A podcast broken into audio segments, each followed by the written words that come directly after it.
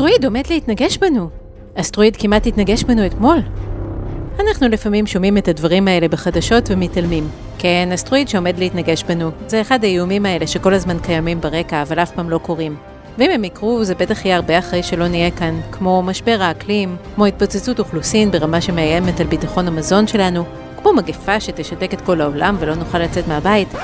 אה, רגע. ברוכים הבאים לפודקאסט חזית המדע. אני גלי ויינרב, ובכל פרק אנחנו מספרים סיפור מפתיע על הטבע שלנו. היום נדבר על אסטרואידים שאולי, אבל רק אולי, עשויים למחוק את העולם. אז נחזור לאסטרואיד. כאילו ש-2020 לא סיפקה לנו מספיק אירועים מכוננים, לפני כמה שבועות נמדד האסטרואיד הכי קרוב לכדור הארץ אי פעם. זה לא אומר שלא התקרבו אסטרואידים קרוב יותר בעבר, אבל פשוט לא מדדנו את זה. כמה קרוב זה הכי קרוב? בערך 2,900 קילומטר מעל כדור הארץ. במונחי גובה זה די רחוק. לשם השוואה, הר האברסט הוא בגובה של 8 קילומטר.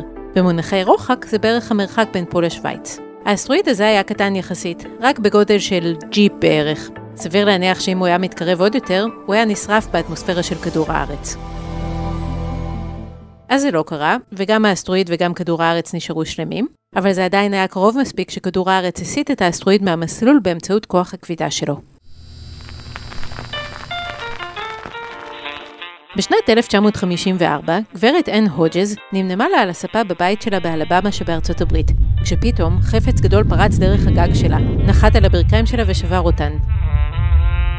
בדיקה מדוקדקת של החפץ על ידי מדענים הראתה שהוא הגיע מהחלל. זה לא היה אסטרואיד, אלא מטאוריט.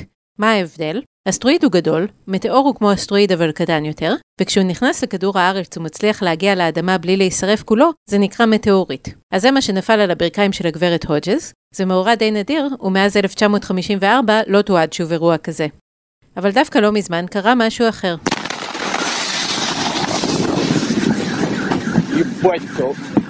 גל הדף פתאומי בעיר צ'ליאבינסק ברוסיה גרם לשבירת זגוגיות ופצע 1,200 איש. מיליוני עצים נעקרו, אבק נשאר באוויר במשך חודשים. אבל מה גרם לזה? פגיעת מטאוריט הייתה אחת ההשערות לסיבת גל ההדף. ציידי מטאוריטים הגיעו לאזורים השוממים בסביבת צ'ליאבינסק כדי לנסות לאתר חתיכות מהמטאור שנשרו לארץ. החתיכות הראשונות נמצאו באגם צ'רבקול במרחק של כ-43 קילומטר מהעיר. ההערכה הייתה שאסטרואיד ענק, בגודל של בניין בן 6 קומות כמעט, אכן היה במסלול התנגשות עם כדור הארץ ונשרף בדרך. בקרבת העיר הופיע גם בור, שהמדענים חשבו שיכול היה להיווצר מפגיעת חלקי המטאור שנשרו לקרקע. אחרי שהמדענים מצאו את הממצאים האלה, הם חיפשו עדות מצולמת למטאור במצלמות אבטחה או רכב, שהן פופולריות למדי ברוסיה. הערכת המדענים הייתה שאם באמת הגיע כזה מטאור אבל נשרף באטמוספירה, אז השרפה שלו הייתה חייבת להיות כל כך עוצמתית, שלרגעים היא הייתה בהירה יותר מהשמש. אירוע כזה היה אמור להותיר סימן מצולם. ובאמת, כמה מצלמות תיעדו הבזק בשמיים, שנראה דומה מאוד לפצצת אטום.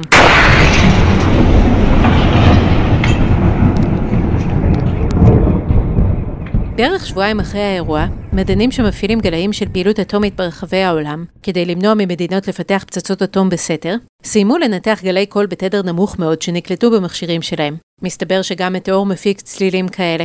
בתדר נמוך שרק בעלי חיים, כמו יוני דואר ופילים, יכולים לשמוע.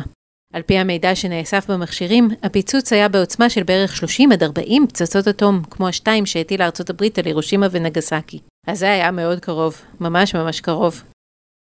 רוב המטאורים נוחתים בים, וכמו שאמרנו, היתר נשרפים לרוב בדרך לכדור הארץ. יש מקרים שבהם מטאוריטים הורגים בעלי חיים בשטח פתוח או הורסים בניינים. בהיסטוריה המתועדת לא הייתה עד לאחרונה עדות לאדם שנהרג מפגיעה ישירה של מטאוריט.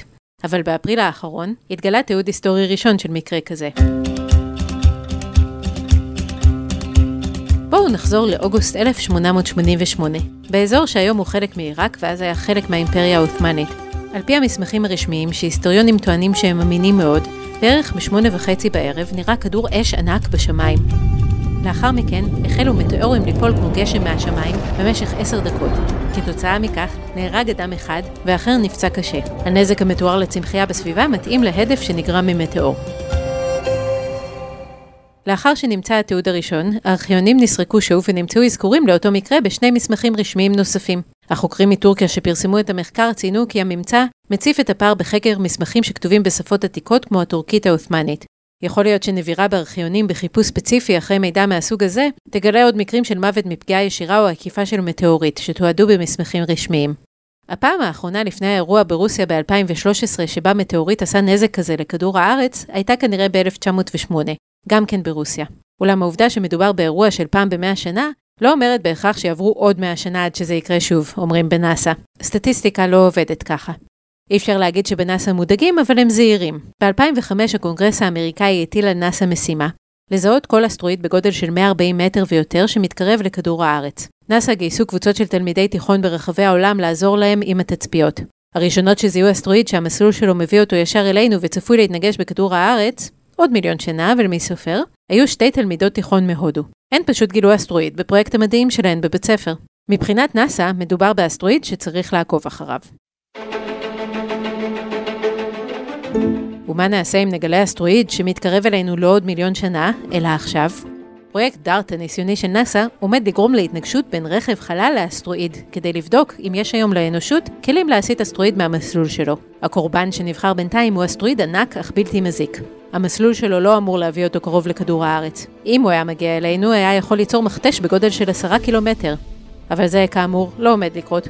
בכל זאת, נאס"א רוצים להסיט אותו ממסלולו, רק כדי שנהיה רגועים שאפשר. לאחר כמה דחיות, השיגור של רכב החלל שהתנגש בו אמור להתקיים בין יולי 2021 לפברואר 2022. המשימה היא להתנגש באסטרואיד במהירות של 6.6 קילומטר לשנייה. מצלמה ותוכנת ניווט מיוחדות מכוונות את רכב החלל להתנגש בדיוק בנקודה אסטרטגית על גבי האסטרואיד, שתסיט אותו מעלה אחת הצידה. טלסקופים מכדור הארץ יתעדו את האירוע כדי לראות אם המסלול של האסטרואיד אכן הוסט. אם כן, אנחנו נהיה מוכנים למקרה של אסטרואיד עם פוטנציאל נזק משמעותי שמתקרב לכדור הארץ. אם לא, גורלנו עלול להיות כמו דינוזאורים. מדענים חושבים שהם יכולים לשחזר פחות או יותר מה קרה באותו יום גורלי לפני 66 מיליון שנה. החוקרים טוענים שהאסטרואיד, כלומר אחד הגדולים, הצליח לנחות בלי להישרף באטמוספירה, והם יודעים אפילו איפה זה קרה, ליד מקסיקו. האירוע הטיט שרפות יער רבות, גרם לגלי צונאמי ושחרר חלקיקים וגזים לאטמוספירה, שחסמו את קרינת השמש למשך שנים. כדור הארץ היה בחורף מתמשך. עד לאחרונה היה ויכוח בין המדענים, האם החורף המתמשך נגרם באמת מאותו אסטרואיד, או מפעילות מאוד נמרצת של הרי געש שהתרחשה גם היא באותה תקופה. גם הרי געש יוצרים אבק שחוסם את השמש, אבל כנראה לא בעוצמה שהייתה יכולה לגרום לחורף כה קר וארוך, עד שהיה מכחיד את הדינוזאורים. חוץ מזה, הרי געש משחררים גם גזים שדווקא נותנים קונטרה של חימום. אז לפי מאמר שהתפרסם לאחרונה, דינוזאורים באזור קו המשווה היו יכולים לשרוד חורף של פעילות געשית, אבל לא חורף שנוצר מנחיתת אסטרואיד. אז כנראה שהאסטרואיד הוא מה שגמר אותם. אם היה מדובר רק בחורף געשי, הם היו אולי עדיין איתנו, או יותר סביר שהם היו נשארים, ואנחנו בכלל לא היינו מתפתחים.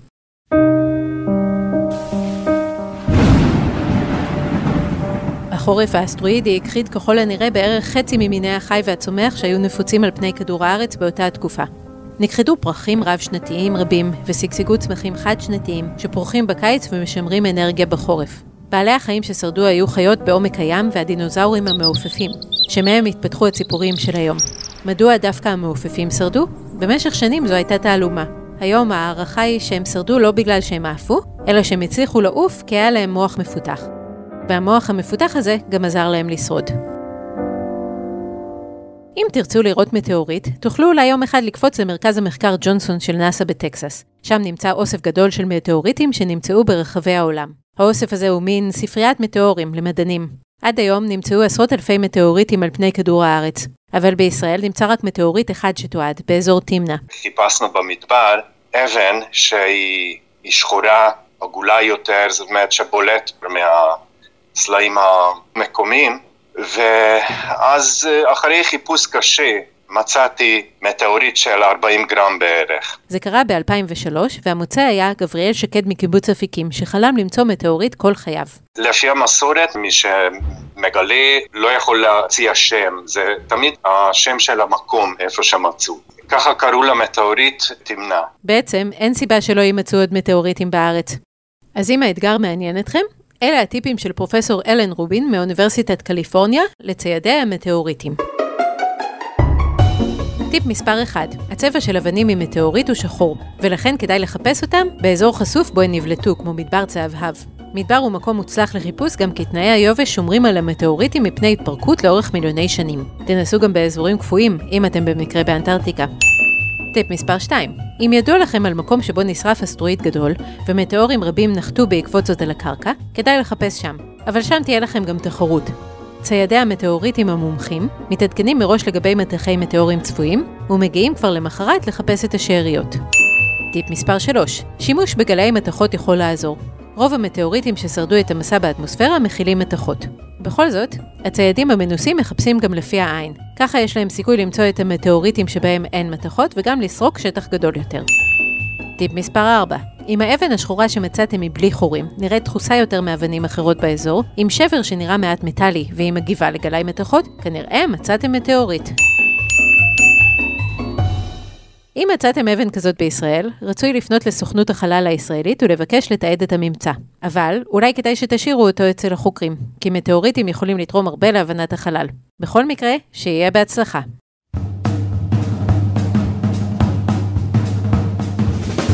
עד כאן עוד פרק של חזית המדע. אם אתם רוצים להספיק לשמוע את כל הפרקים שלנו לפני שיפול עלינו מטאוריט או אסון אחר, אתם מוזמנים לעקוב אחרינו באתר גלובס, בספוטיפיי או באפליקציית הפודקאסטים האהובה עליכם. נשמח מאוד אם תפרגנו לנו בדירוג גבוה באפל פודקאסט, ותשלחו את הפרק בוואטסאפ לחבר שעוד לא שמע עלינו. תודה לעורך הפודקאסטים של גלובס רון טוביה, אני גלי ויינרב. ביי!